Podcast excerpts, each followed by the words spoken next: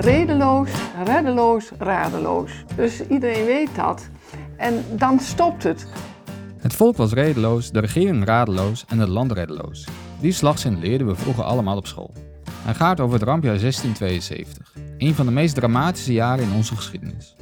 Maar wij Overijsselaars hadden te maken met aan de rand Fransen, wat Keulsen en vooral de Munstelse. Overijssel gaf zich al na een maand over aan de Münsterse bisschop Christoph Bernhard van Galen, beter bekend als Bommenberend. Tegen hoge heer moet ja zeggen of swing, zeggen ze wel eens in Twente. De snelle capitulatie werd binnen de republiek altijd gezien als hoogverraad. Maar eigenlijk wordt daar voorbij gegaan dat, dat er ook een soort gevoel van bevrijding is geweest voor een heel groot deel. En zeker in, in Twente. Kijk, in Groningen zaten ze niet op hem te wachten. En dat ze hem daar bommenberen noemen, dat snap ik. Maar hier in Twente is die toch eigenlijk met open armen ontvangen. Voor ons is hij bommenberend en inderdaad het koedief en het is branden en plunderen. Maar zijn katholiseringspoging was oprecht.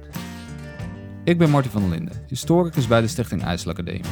Samen met historicus en rampjaar-expert Luc Panhuizen trek ik in de podcast Bommenberend in Overijssel door onze provincie om de belangrijkste verhalen rondom deze historische figuur te onderzoeken. Het is echt een vergeten dimensie in, laten we zeggen, dat hele trauma van uh, rampjaar. De, die man die moet een vreselijk jaar hebben gehad. Uh, constant dealen met, met bedreiging. Hij zal echt tussen twee vuren hebben vooraan, doet dat me toch niks. De mist. Wenken vooraan, Beeld over bommenberend en wat die bisschop precies hier, hier allemaal heeft uitgesproken.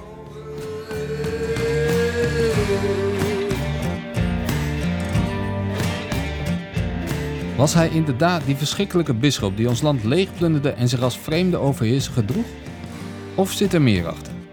Luister naar de podcast Bommenberend in Overijssel.